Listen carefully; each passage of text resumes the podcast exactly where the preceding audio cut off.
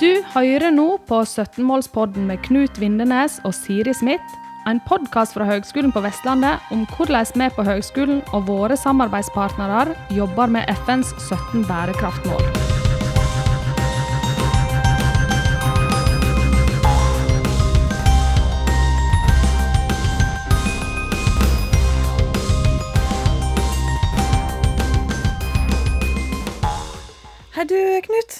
Hadde du hørt om Fjordkonferansen tidligere? Du, Nei, det hadde jeg ikke hørt om. Altså For i år, eh, i 2001 altså, så ble det arrangert i Molde den 16. og 17. juni. Ja, ja, det stemmer det. Det har vi jo lært mye om nå. Ja. Det, det er jo en konferanse som har skjedd årlig de siste årene. i Nedslagsfelt Sogn og Fjordane og Møre og Romsdal. Eh, og vi har jo hatt eh, to samtaler, vi. Eh, vi skal snart eh, komme inn på de. Eh, den, ene, den første samtalen handler om, eh, handler om på en måte konferansen i sin helhet. Eh, det er med Leif Jostein Longemannes, som sitter for HVL i styringsgruppen. Eh, Torbjørn Aaretun sitter også i den gruppen for HVL, men han hadde ikke anledning til å være med. Eh, ja, den, den samtalen som du eh, også der, hva var det den handlet om igjen? Jeg hadde en utrolig fin samtale med Liv Norun Hemre, Ja. som er førsteamanuensis ved HVL. Og hun var med i et eh, team eh, sammen med Vestlandsforskning som vant eh, beste vitenskapelige artikkel på Fjordkonferansen. Så, Så nå får vi høre litt om, om hva de sier om dette her. Da skal vi høre første samtale med Leif Jostein Longmanes. Eh, da, eh, da skal vi eh, eh, snakke litt med deg om, eh, om Fjordkonferansen. Eh, litt sånn kort til å begynne med. Eh, hvem er du, og hva gjør du i det daglige, og, og hva er ditt forhold til bærekraft? Ja, jeg er førstelektor på Institutt for økonomi og administrasjon campus Sogndal. Og underviser i organisasjons- og ledelsesfag. Og i forhold til det med bærekraft, så er, eh, var jeg medredaktør av en antologi i 20, som kom ut i 2020 som heter 'Bærekraftig verdiskaping'. Uh, og så er nå det et interessefelt og et, uh, en interesse som litt har vokst ut av arbeidet med den eh, antologien. Så for tida så driver jeg på- med et eh, lite forskningsprosjekt sammen med to kollegaer om eh, bærekraftig matproduksjon. Ok, ja. Så bærekraft er absolutt eh, i interessefeltet ditt. Nå med, med konferansen, når temaet nå i år er bærekraft, eh, hvordan, hvordan tenker du at deltakerne vil merke det? Eh, du, du sitter jo i, i arrangementskomiteen i styringsgruppen for konferansen. Hvordan tenker du at deltakerne vil merke det ut, utover at det står bærekraft i programmet? Nei, altså Valg av tema for Fjordkonferansen er nå eh, litt basert på at det skal være tematikker som både er relevant for det som vi kaller fjordregionen i, i Fjordkonferansen, eh, men òg at eh, det skal være tema som eh, fevner så bredt som mulig, og slik sett at deltakere fra alle fagmiljøene våre kan komme med bidrag og få tilbakemeldinger og, og eventuelt komme med artikler som blir gitt ut i fjordantologien. Så er nå det slik med dette her at um, eh, forskning og, og slike ting, hvor, hvor raskt en ser resultater av det, kan jo være eh, så som så. Eh, det har vært en keynote-speaker i dag, Jørgen Rander, som trekker linjene tilbake og sier at mye av det som dreier seg om bærekraft, er kunnskap som en har hatt veldig lenge. Han snakker om 30-40-50 år uten at vi helt greier å, å gjøre noe med en bærekraftig utvikling. Men hvis ikke forskere er i front, eh, jeg skulle til å si hvem kan være det da? Godt poeng. ja, det er jo litt tankevekkende perspektiv du har der. Det kunne vi sikkert snakket lenge om. Hvor mange deltakere, hvor er det på, på årets eh, konferanse? Eh, årets konferanse er grunnet korona eh, en eh, hybridvariant, der noen få har fått høve til å komme til Molde og være med i salen her. Lokalt så er det satt et tak på 20, eh, men så er det parallellsesjoner der det er presentasjoner av paper og utkast til paper. Og det er 45 innlegg, og hvis en da sier at det er to og tre forfattere på mange av dem, så regner jeg med at årets konferanse vil ha en 70-80-90 deltakere som sitter i Molde og i Sogndal og i Bergen og Førde og Volda og Ålesund og sikkert mange andre plasser òg. Så 70-80 deltakere, og da er vi omtrent tilbake til det som har vært når fjordkonferansen har vært fysisk. Og i veldig mange år så var den, eller de fleste åra så er den på Hotell Alexandra i Loen. Og da er vi ja, 70-80-90 deltakere. Litt opp og litt ned, litt etter tematikker og hvordan folk får det inn i programmene sine. Men det er størrelsen på fjordkonferansen. Ja, ja. Så, så, det har på en måte blitt opprettholdt eh, oppslutning eh, under, eh, under, pandemien? Det er ikke, ja. Ja, I fjor så var det Sogndal som uh, hadde arrangementet. Det går på omgang mellom de fire. Gamle høgskolene på Nordvestlandet. Ja. Uh, og I fjor så måtte vi bare avlyse korona, korona. Så når vi hadde en eh, litt amputert konferanse i eh, november, uh, og den var rent digital, så hadde vi 30 bidragsytere. Og det er det minste det har vært. Men det ble nå en flott fjordantologi av det òg. Temaet i fjor var stadutvikling. og den antologien blir, er lansert i disse dager, så den kan folk finne på Idun. Ja, nettopp. nettopp. Eh, dere oppgir jo to hovedformål ved eh, konferansen. Eh, det ene er med å være en faglig samlingsstad, eh, og det andre med å øke den akademiske kompetansen i regionen. Hva tenker du om eh, hvordan dere innfrir eh, på det? Har du noen tanker der? Altså, eh, Historien til fjordkonferansen er slik at dette henne var et sterkt ønske fra to nestorer. Eh, professor Øyvind Helgesen i Ålesund og professor Jørgen Amdam i Volda om å få ting til i lag på Nordvestlandet. Og jeg lå nok en tanke under om dette her Møreuniversitetet som eh, per i dag i hvert fall er helt dødt, men som på det tidspunktet i 2012-2013 var noe som de arbeider med her mm. i Møre og Romsdal. Ja. Um, og den har òg en, en, har en viktig rolle i forhold til unge forskere eller høgskolelektorer som uh, ikke er, um, har trådt over terskelen med å få publisert ting.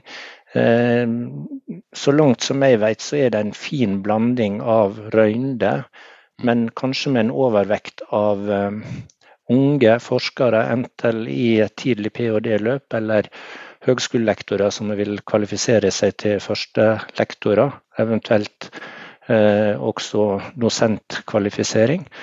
Og det, det, har kommet ut, det er fra 20 til 30 tellende publikasjoner hvert år som kommer ut gjennom Fjordantologien. Så det har fungert veldig godt.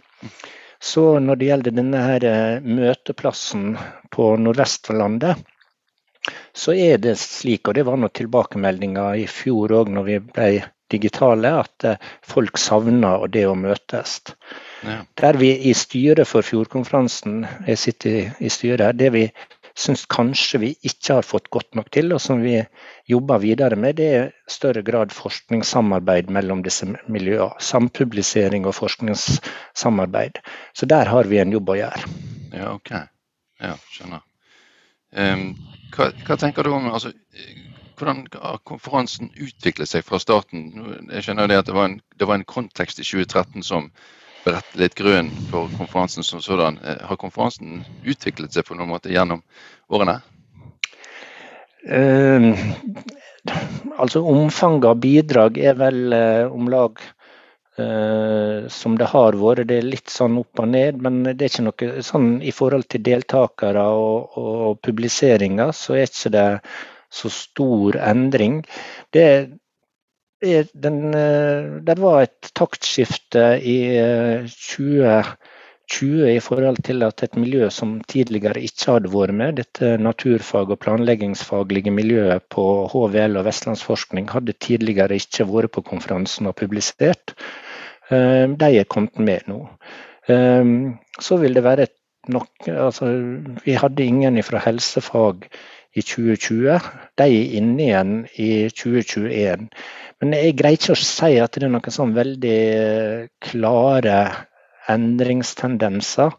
Det som er den store endringa, det er at um, vi er en del litt yngre. Er en godt voksen mann sjøl, men uh, disse nestorene med Jon Gunnar Nesse, Jørgen Amdam, Øyvind Helgesen, uh, som hadde, som var veldig gode kollegaer og rause kollegaer og flinke å dra med seg andre, de har nå overlatt uh, styringa og ansvaret for dette her til oss som kanskje litt større grad sitter i en skvis i forhold til arbeidsplaner osv. Så videre. sånn at uh, vi savner, en, uh, vi savner disse gamle nestorene litt til å være med oss, men nå er vi ja, vi er nå i god driv, vi som har drevet det de siste tre åra.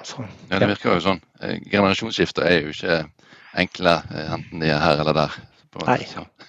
Nei det, det, var, det, var, eh, Jeg tror ikke jeg kan skryte nok av disse nestorene der i forhold til denne her delingskulturen som de sto for, og opptatt av å dra unge medarbeidere inn i denne her uh, forskningsverden. Ja. Og, så er en liten sånn her, her, var en liten forhistorie til fjordkonferansen. For um, Amdam og nok, Jørgen Amdam og noen til, bl.a. Øyvind Glossvik på HVL, hadde noen år før det de kalte en skårungekonferanse, som hadde litt den samme eh, hensikta. Det å, å, prøve å få med nye inn i å skrive artikler. Ja. ja viktig, viktig oppgave. Um, siste spørsmål jeg lurer på, det er Fjordantologien. Det er jo noe som står tydelig på nettsiden til konferansen også. Hvilken betydning har den, og hvordan uh, har den eventuelt utviklet seg gjennom disse årene? Nei, det som uh, vi sier med Fjordantologien, det er at inngangen til å få ting fagfellevurdert skal være lettere enn i en journal. Men sluttproduktet skal holde høy nok kvalitet, høy nok forskningskvalitet. Slik at eh, for nye forskere eller urøynde forskere, så er det kanskje slik at eh, hvis de hadde senkt det til en journal, så hadde de fått eh, desk reject og ikke fått publisert dette her. Men vi, vi hjelper det gjennom fagfellevurderinger der en i noen omganger kanskje må det gå to og tre ganger før dette her er et kvalitativt produkt. Så det er en måte å hjelpe urøynde til å få publisert. Og jeg har ikke telt opp, men jeg tror at eh, det er forholdsvis mange førstelektor- og dosentopprykk eh, på disse fire institusjonene som kan takke fjordantologien for at de har nok og gode nok publiseringer. Det er jo utrolig spennende og, og, og godt poeng, da. Kjempe, kjempebra. Ja, nei, men Da har jeg fått uh, mye mer god uh, innsikt i uh, hva fjordkonferansen handler om. Så, så tusen takk for samtalen. Får jeg lov til å komme med en avslutning? Ja, klart det. Siden dette kommer på fredag, så har jeg lov til å fortelle hva tematikken til Fjordkonferansen 2022 skal være, slik at folk kan begynne å tenke på uh, artikler som de ønsker å skrive. Og tematikken 2022, når NTNU Campus Ålesund har ansvar, er nyskaping. Og det blir lagt ut informasjon på hjemmesida til Fjordkonferansen, fjordkonferansen.no, om dette begrepet nyskaping og hva slags tema en kan skrive om den, eh, til den konferansen. Ja, men Så bra. så bra. Da får vi litt eh, plast om det òg. Veldig bra. Spennende. Ja, ja men Tusen takk for samtalen. Tusen takk. Da skal vi ha en samtale med Liv Norun Hamre. Ja, hallo alle sammen. I dag har jeg eh, en gjest i studio som heter Liv Norun Hamre. Som er økolog ved HVL. Velkommen. Tusen takk skal du ha. Ja. Eh, veldig kjekt å ha deg her. og eh, Nå skal vi høre litt om, mer om hvem du er, men du har i hvert fall vunnet en pris for beste vitenskapelige artikkel under Fjordkonferansen 2021. Gratulerer. Mm. Tusen takk for det. Mm. Så ja, du kan jo egentlig bare begynne med å fortelle litt om deg sjøl. Ja, litt om meg sjøl. Som du sier, så er jeg økolog. Eh, jobber som førsteamanuensis på Institutt for miljø- og naturvitenskap i Sogndal. Og her er jeg òg studieprogramansvarlig for det er et treårig bachelorprogram i landskapsplanlegging med landskapsarkitektur. Eh, så her har jeg jobba i ganske mange år, og jeg er vel en av de som kanskje kom til Sogndal som, og ikke kom meg derifra. Ja. ganske mange av de her på høgskolen eh, kom her tidlig 90-tall, og så har jeg blitt værende. Mm. Jeg har vært litt til Bergen og tatt mer utdanning, men eh, kom tilbake til Sogndal. Mm. Mm. Så jeg har ja, jobba mye med vegetasjon, men på undervisningssida så jobber jeg òg litt med ut mot, mot eh, landskapsøkologi og litt luska litt inn på dette her med landskap og inn mot planlegging òg, lite grann. Det. Mm. Uh, og vi er veldig opptatt av dette med landskapsendringer, som du også sikkert ser i, gjennom denne forskningsartikkelen her. Ja. Jeg hadde doktorgraden min da på å se på landskapsendringer på i kulturlandskapet rundt uh, verdensarvområdet uh, vårt her inne, Urnes stavkirke. På, mm. på Ornes, og sitte på endringer i landskapet fra 1865 og fram til da tidlig 2000-tall, når jeg begynte å studere dette her. Så, så, det var veldig spennende. Så jeg er opptatt av dette her med å se på endringer i landskapet. Mm. Ja, det er sikkert uh, ganske si, dramatisk enkelte steder. Og det, det handler litt denne forskningsartikkelen òg om. Mm. Um, jeg vil fortelle, fortelle, litt om den artikkelen, hva som, eh, hva som sto der. Og, ja. ja det, Artikkelen den heter jo da 'Fortetting og byspredning praksis og holdninger gjennom 30 år i fire norske kommuner'. Eh, og den handler rett og slett om eh, dette med tettstadutvikling. Hva som har skjedd de siste 30 årene da, i fire utvalgte kommuner. Sogndal, Horten, Malvik og Trondheim øst. Eh, som er da studieområdet for ja, i et større forskningsprosjekt som jeg har i samarbeid mellom HVL og Vestlandsforsking. Det, og det heter Surrounda-prosjektet. På norsk så er det da Vilkår for bærekraftig utvikling. Eh, og surround, der står i grunnen Det er en lang forkortelse som jeg ikke husker, men uh, surroundings vet vi hva er. Ja. Eh, og det handler i grunnen om utbyggingsmønster, hva som har skjedd da i tettstedene i disse kommunene. I og rundt nærmeste omgivelsene rundt tettstedene. så Derfor så passer surround veldig godt. da. Og det har en engelsk fornuftig tittel som jeg ikke husker helt. Mm. mm. Men det handler om dette her med, med vilkår for bærekraftig tettstedutvikling. Mm. Mm. Uh, og, så da har vi altså kartlagt uh, arealbruksendringer, og det vil jo si hva for noen areal er det som er bygd ned, uh, og hva er de bygd ned til. og så skal vi òg prøve å forklare hva det er som driver disse, den utbyggingen, det mønsteret vi ser i utbygging det, i de ulike kommunene. Mm. og da er det jo fokus en god del på, på, verdifull natur og jordbruksareal. Det er jo et tema, dette her med nedbygging av jordbruksareal. Mm. Og I tillegg da, så er det også, eh, har vi en stipendiat på prosjektet som skal jobbe litt mer og se på driverne bak det som skjer. Og hun har gjort en undersøkelse da, på holdninger til dette med forbruk av areal. Mm. Eh, både det med hvordan folk har Både de som er lokalpolitikere, men òg de som jobber i forvaltningen i kommunene. Eh, hvordan ser, hvordan ser de på at er det et miljøproblem at en bygger ned natur? holdningene til det, rett og slett. Mm. Eh, og, og eh, hva holdninger de har til de miljøpolitiske retningslinjene og virkemidlene som kommunene har da, når de gjør dette. her. Og hun har gjort om igjen en eh, hun har spurt de samme spørsmålene altså de gjorde i en tilsvarende undersøkelse i 1990 for disse kommunene. Og, så det er å sammenligne dem, da.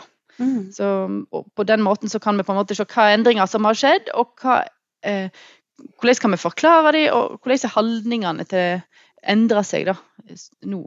For å kunne se litt mer framover hvordan en kan kanskje gjøre ting enda litt bedre. Så det viser seg en gjør ting bedre enn det en har gjort så langt. Da. Ja.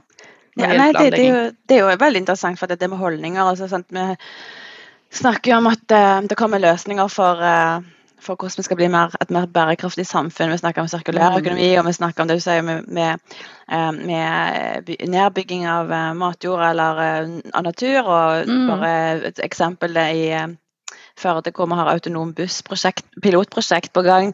Så det er sånn, Hvordan er Mm. egentlig folks holdninger til dette? Sant? Du har jo hørt at nå må jo bussen plutselig tenke etisk. Hva skal du skal du Ja. bremse, eller skal du kjøre på noen? Altså, sånn. Ja. Så det er klart at det her er, det er jo litt interessant, og det tror jeg kommer mer og mer. At du må rett og slett eh, eh, Det er en slags innovasjon som ligger der, kanskje. Med innovasjon, altså hvordan og holdnings, hvordan skal få endre holdningene til folk. og Mm. ja. Så det er utrolig interessant. Og eh, jeg leste jo litt, altså leste artikkelen da, og så sa jeg at i starten der så står det jo en del om dette med, med biodiversitet og nedbygging av natur, og sånn at det eh, skjer i stor skala rundt omkring. Kanskje vi ikke er klare nå, kanskje ikke vi vet nok om hva konsekvenser det til syvende og sist har. For vi snakket litt om det i går òg, altså, når vi snakket om podkasten, at, det, um, at vi er kanskje blitt litt for asfaltert. Så vi er, bare, vært, altså, vi er så langt fra naturen i måten vi lever på, samtidig Mm. som vi er helt avhengige av den, at vi ser ikke sammenhengen der, kanskje. Det er jo noen aspekter. Ja. Det er noen aspekter som er, er veldig viktige, tenker jeg òg. At vi, at vi vi tenker, ja, for det, nå har vi jo tenkt Når vi ser på dette studiet vårt, så er jo en ting som er litt spesielt, det er jo at vi ser på litt mindre tettsteder og byer. Ja. Eh, ofte er det gjort sånne studier som du snakker om, det der med hvordan påvirker utbyggingen eh, biologisk mangfold eh, osv. På, på, og nedbygging av natur. Hvordan påvirker det rundt store byer? Men nå ser vi litt på mindre tettsteder. Mm. Og så tenker vi fort kanskje at ja, i Sogndal, da, her som jeg sitter, som er en av studieplassene, vi har så mye natur rundt at det kanskje ikke det er så viktig om vi, om vi, ikke, om vi bygger ned noe grønt i sentrum. Sant? Mm. For, det, for det er jo lurt på en måte sant? å bygge tett i sentrum, fordi at det, eh, da hindrer vi jo mer trafikk. Du får Mm. mindre trafikk, så får du mindre utslipp, og det er bra for klimaet. Mm. Eh, men så er det hvis vi bygger for tett igjen, så blir det gale òg. For da tar vi jo disse her eh, grønne lungene som er inne i byen, jo, eller i sentrum. Eh, og det er jo både det at det kan være høyt biologisk mangfold der, men òg med tanke på eh, kanskje mer ekstrem nedbør som kommer. Sant? At du har grønne flater som tar imot all den nedbøren. Eh, og ikke minst for folk som skal bo der. At det er det, Vi handler jo om den sosiale bærekraften òg. Mm. Vi snakker om naturen, eh, klima og miljø som en bærekraftpilar, men så har du det sosiale. og da der kan du tenke deg at det, grønne er viktig for trivselen til folk. Vi skal jo ha gode bygder og gode byer å, bo i i tillegg.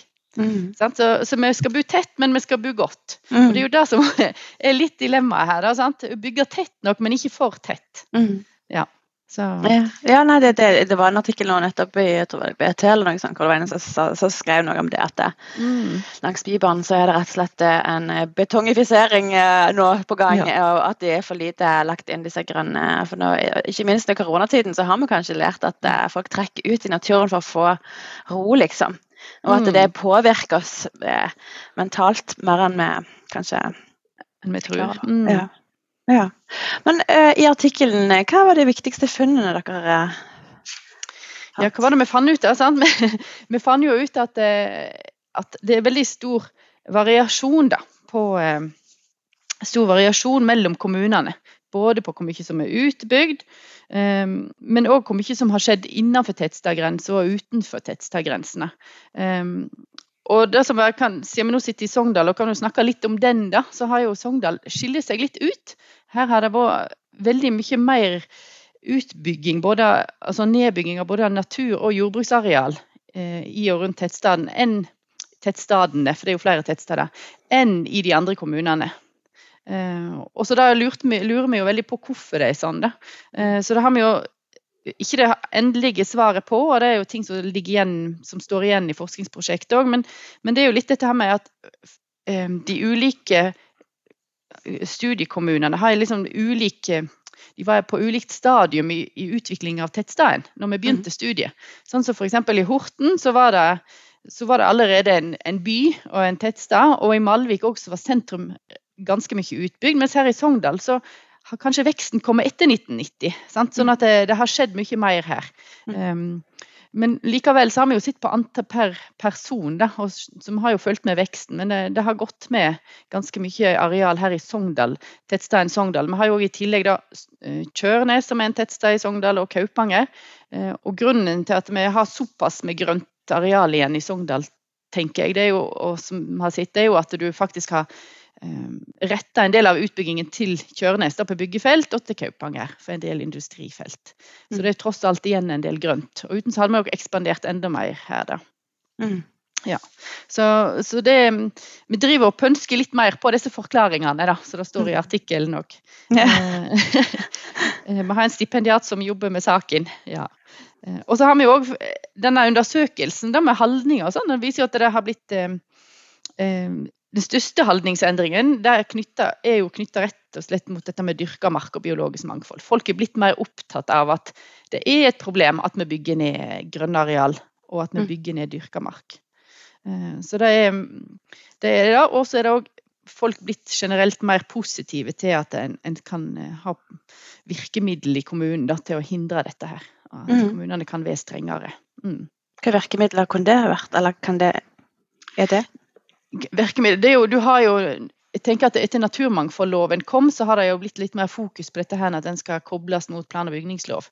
Mm. Um, at det der er nye ting. Jeg kan for lite om ren planlegging, men uh, ja. der er jo ting. Og så tenker jeg at det, eh, dette med at en, uh, en har retningslinjer Du har òg når du driver med mer detaljplanlegging, så kan du legge inn sånne føringer på at du skal ta vare på så, så mye grønt per mm. bueining. Mm. Eh, sånn at kanskje kan vi sette strengere krav der, da. Ja. ja. Ja, jeg mm. skjønner. Ja, men eh, Interessant. Um, og, og, du sa det at uh, Sogndal uh, skilte seg litt ut uh, fra de andre. Uh, og, og, og, det var fordi at det var noe med altså, omgi omgivelsene der? At det var Ja, det omgivelser. Altså, det er jo òg at det, vi har ikke Grunnen til at vi kanskje bygger ned en del grønt i Sogndal, har gjort og, ikke, Det er ikke alle plasser du kan bygge. Hvis eh, Sogndal ligger i en dalbunn og det er bratte fjellsider på hver side, uh, så det er ikke plass til mer. Sant, rett og slett. Og da må en bygge ned det som er flatt og er mulig å bygge ned. og det og er det, hva er det som er flatt? Jo, det er jo der det òg har vært mulig å drive jordbruk. Sant? Det mm. henger jo i sammen. Og da er det de som ligger, arealene som ligger ledig. Ja. Um, så jeg tenker at det, som det viser her, da, som vi, nå er at en får tenke framover. At det, kanskje vi bør bli flinkere òg i mindre byer og, mindre, og i bygdesentrum. Og tenke transformasjon. Mm. Det er faktisk å bruke de grå arealene eh, og bruke dem mer effektivt. For en ting er liksom, Når du skal fortette, altså, en ting er å bygge ut de grønne arealene i sentrum, men, men, det er noe som heter transformasjon òg. Og det er å bygge mer effektivt på det som allerede er grått. Store parkeringsplasser, gamle industritomter. Sant? I stedet for ja. at du bruker dem effektivt. Jeg skulle til å spørre hva du mente med grått, men da skjønner jeg at det er, og det er veldig, Allerede utbygde areal er grå areal. Mm. Nettopp, nettopp. Bruker de mer effektivt. Bygger de om, kanskje. Ja. Mm. Tenker jeg sånn vindkraft med en gang. Det, ja. kan det være en løsning? Men det blåser ikke nok der. Men det er en helt annen debatt. Den kan vi komme holde oss under. ja, Det er jo ikke en annen debatt, men det er et annet aspekt innen den ja, samme da, debatten. Det er, handler veldig mye om nedbygging av natur der òg, så jeg kan si mye om det, men jeg tror ikke jeg skal gjøre det nå. Nei, men da, vi kan ta det en gang. Men ja, så, um, så da har jo egentlig snakket litt om altså, hva vi kan bruke den kunnskapen til. det rett og slett At vi kan bli altså, ja, bruke virkemidler fra kommunen, mm. altså de, at de blir strengere. Og at vi, også når holdningene til, de, altså til innbyggerne òg endrer seg, så vil du kanskje få en Mer gehør. Mm. Ja. Mm. Så det er jo eh, sånn sett nyttig. Og, det er klart at vi snakket om bærekraftsmål som er eh, vi har i 17-målspodden her, så er det klart at mm. det, det, henger sammen med flere av målene, det. Altså det er jo eh, smart mm. utbygging, og det er eh, liv på land, og det er mange mål her som trekkes inn. Mm. Ja.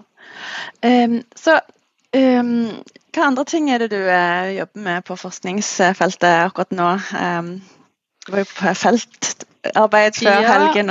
Ja. Jeg var på feltarbeid sist uke. Du vet at Når vi er økologer, så er vi jo mye ute når det er juni og feltsesong. Studentene de er ferdige, og vi har en liten gløtte før det skal være ferie, så da er det ute på feltarbeid. Så mm. Vi har litt forskjellige prosjekt som jeg er med i.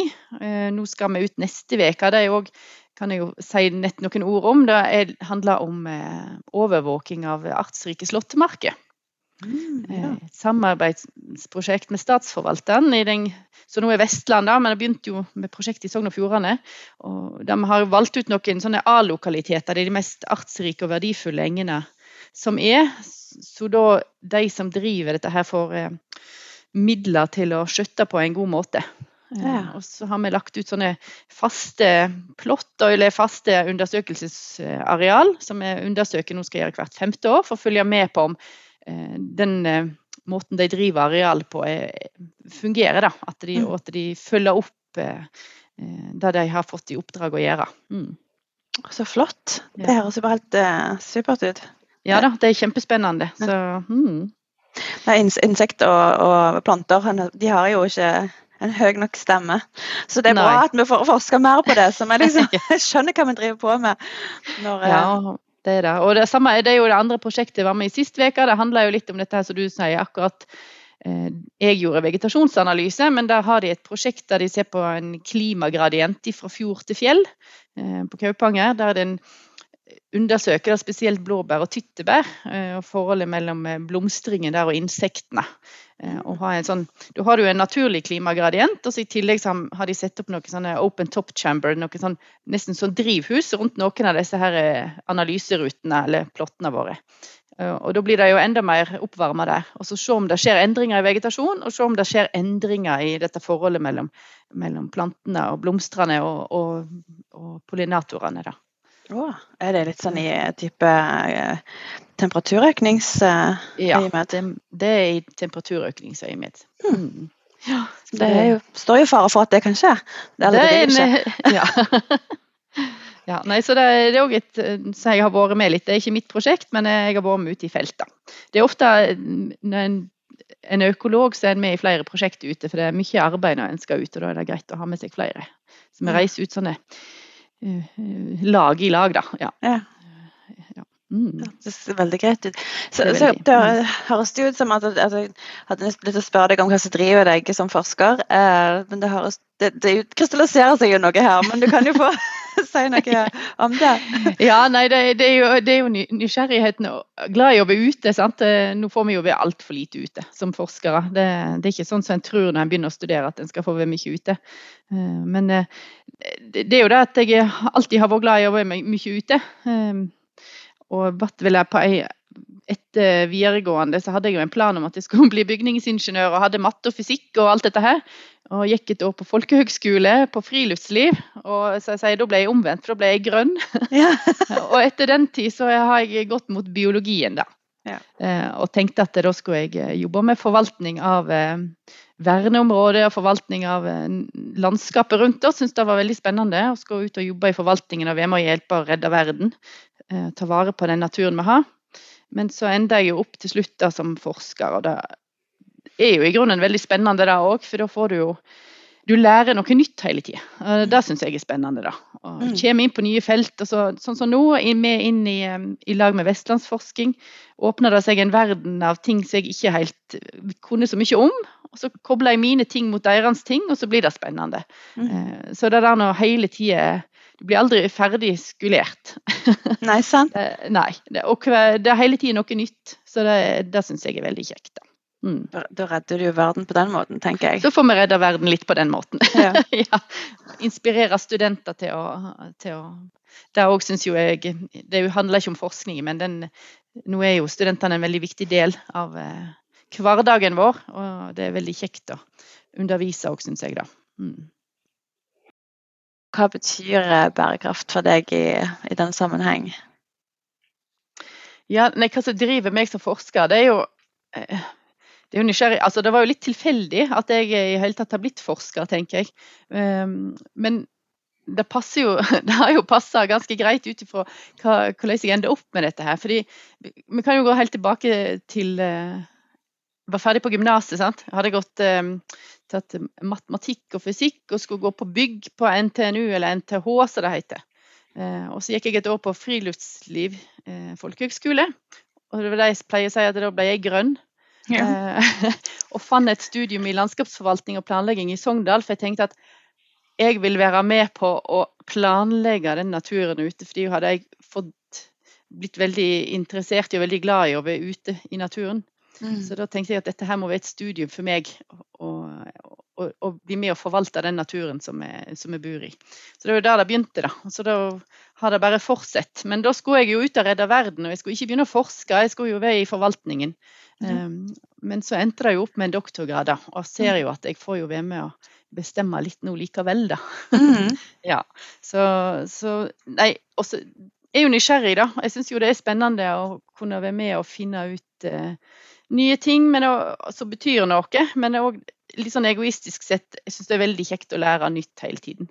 Mm. Uh, og jeg lærer jo noe nytt hver dag som forsker òg. Mm. Uh, stadig vekk. greit du bruker den kunnskapen du har, men det er alltid noe nytt å lære. Så det er jo det som er mest spennende. og knytta mot bærekraft, altså, som jeg har nevnt på, så er det jo kanskje av disse bærekraftpilarene så er det jo dette med klima og miljø som opptar meg kanskje aller mest. Jeg tenker eh, Å ha en bærekraftig bruk av naturen. For har vi ikke en jordklode med en natur som fungerer, så får vi heller ikke økonomisk bærekraft eller sosial bærekraft, men vi har grunnlaget der, og det er naturen. Så Det er jo det jeg er veldig opptatt av. Da. Og da passer det også, Derfor er jo dette her studiet her også spennende, dette med nedbygging av areal da, til tettsteder mm. og til booste. Mm. Ja, jeg er jo veldig langt på vei enig i alt dette der. Som, så, før som biolog, så, så er jo det, det, naturen som ikke har en egen stemme, egentlig. da. Vi må virkelig snakke for den, og, vi, og heldigvis er, virker det som det er en endring i samfunnet nå, at hvor viktig det faktisk er. Og kanskje det er det som er det dyreste den dyre, mest dyrekjøpte erfaringen vi kanskje gjør oss i fortsettelsen, det er at uh, naturen uh, må bevares mm. Så langt man kan. Og Det tror jeg òg vi ser blant studentene som kommer hit og studerer naturfag. Og så kommer vi her på landskapsplanlegging og landskapsarkitektur, som studiet heter. Veldig mange av de blir veldig opptatt av når de begynner å lære økologi og så det, begynner de å bli veldig opptatt av dette med å, å planlegge på en uh, bærekraftig måte. Altså student, dagens unge er veldig opptatt av å ta vare på naturen. Iallfall de som kommer hit. Det er de vi, vi ser. Så jeg tror Det er en sånn grønn bølge, og vi har jo mange søkere. sånn at uh, jeg tror nok at det er håp. Mm, sånn sett, da. Ja. Så bra. Det var jo en perfekt eh, liksom, eh, avslutningsfrase.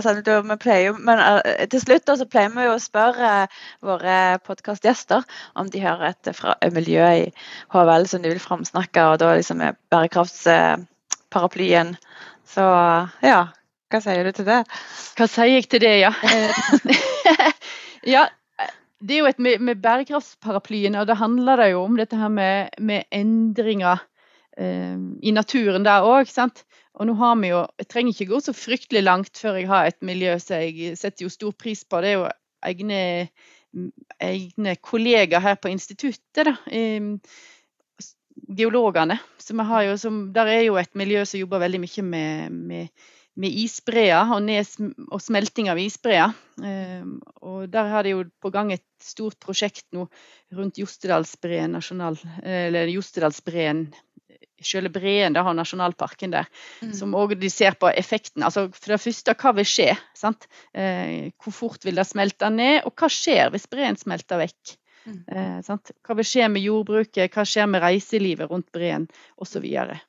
Mm. Eh, så de, tenker jeg, de, de jobber med mye de, av, har de samme verdiene som oss og jobber med, med lignende tema. Da.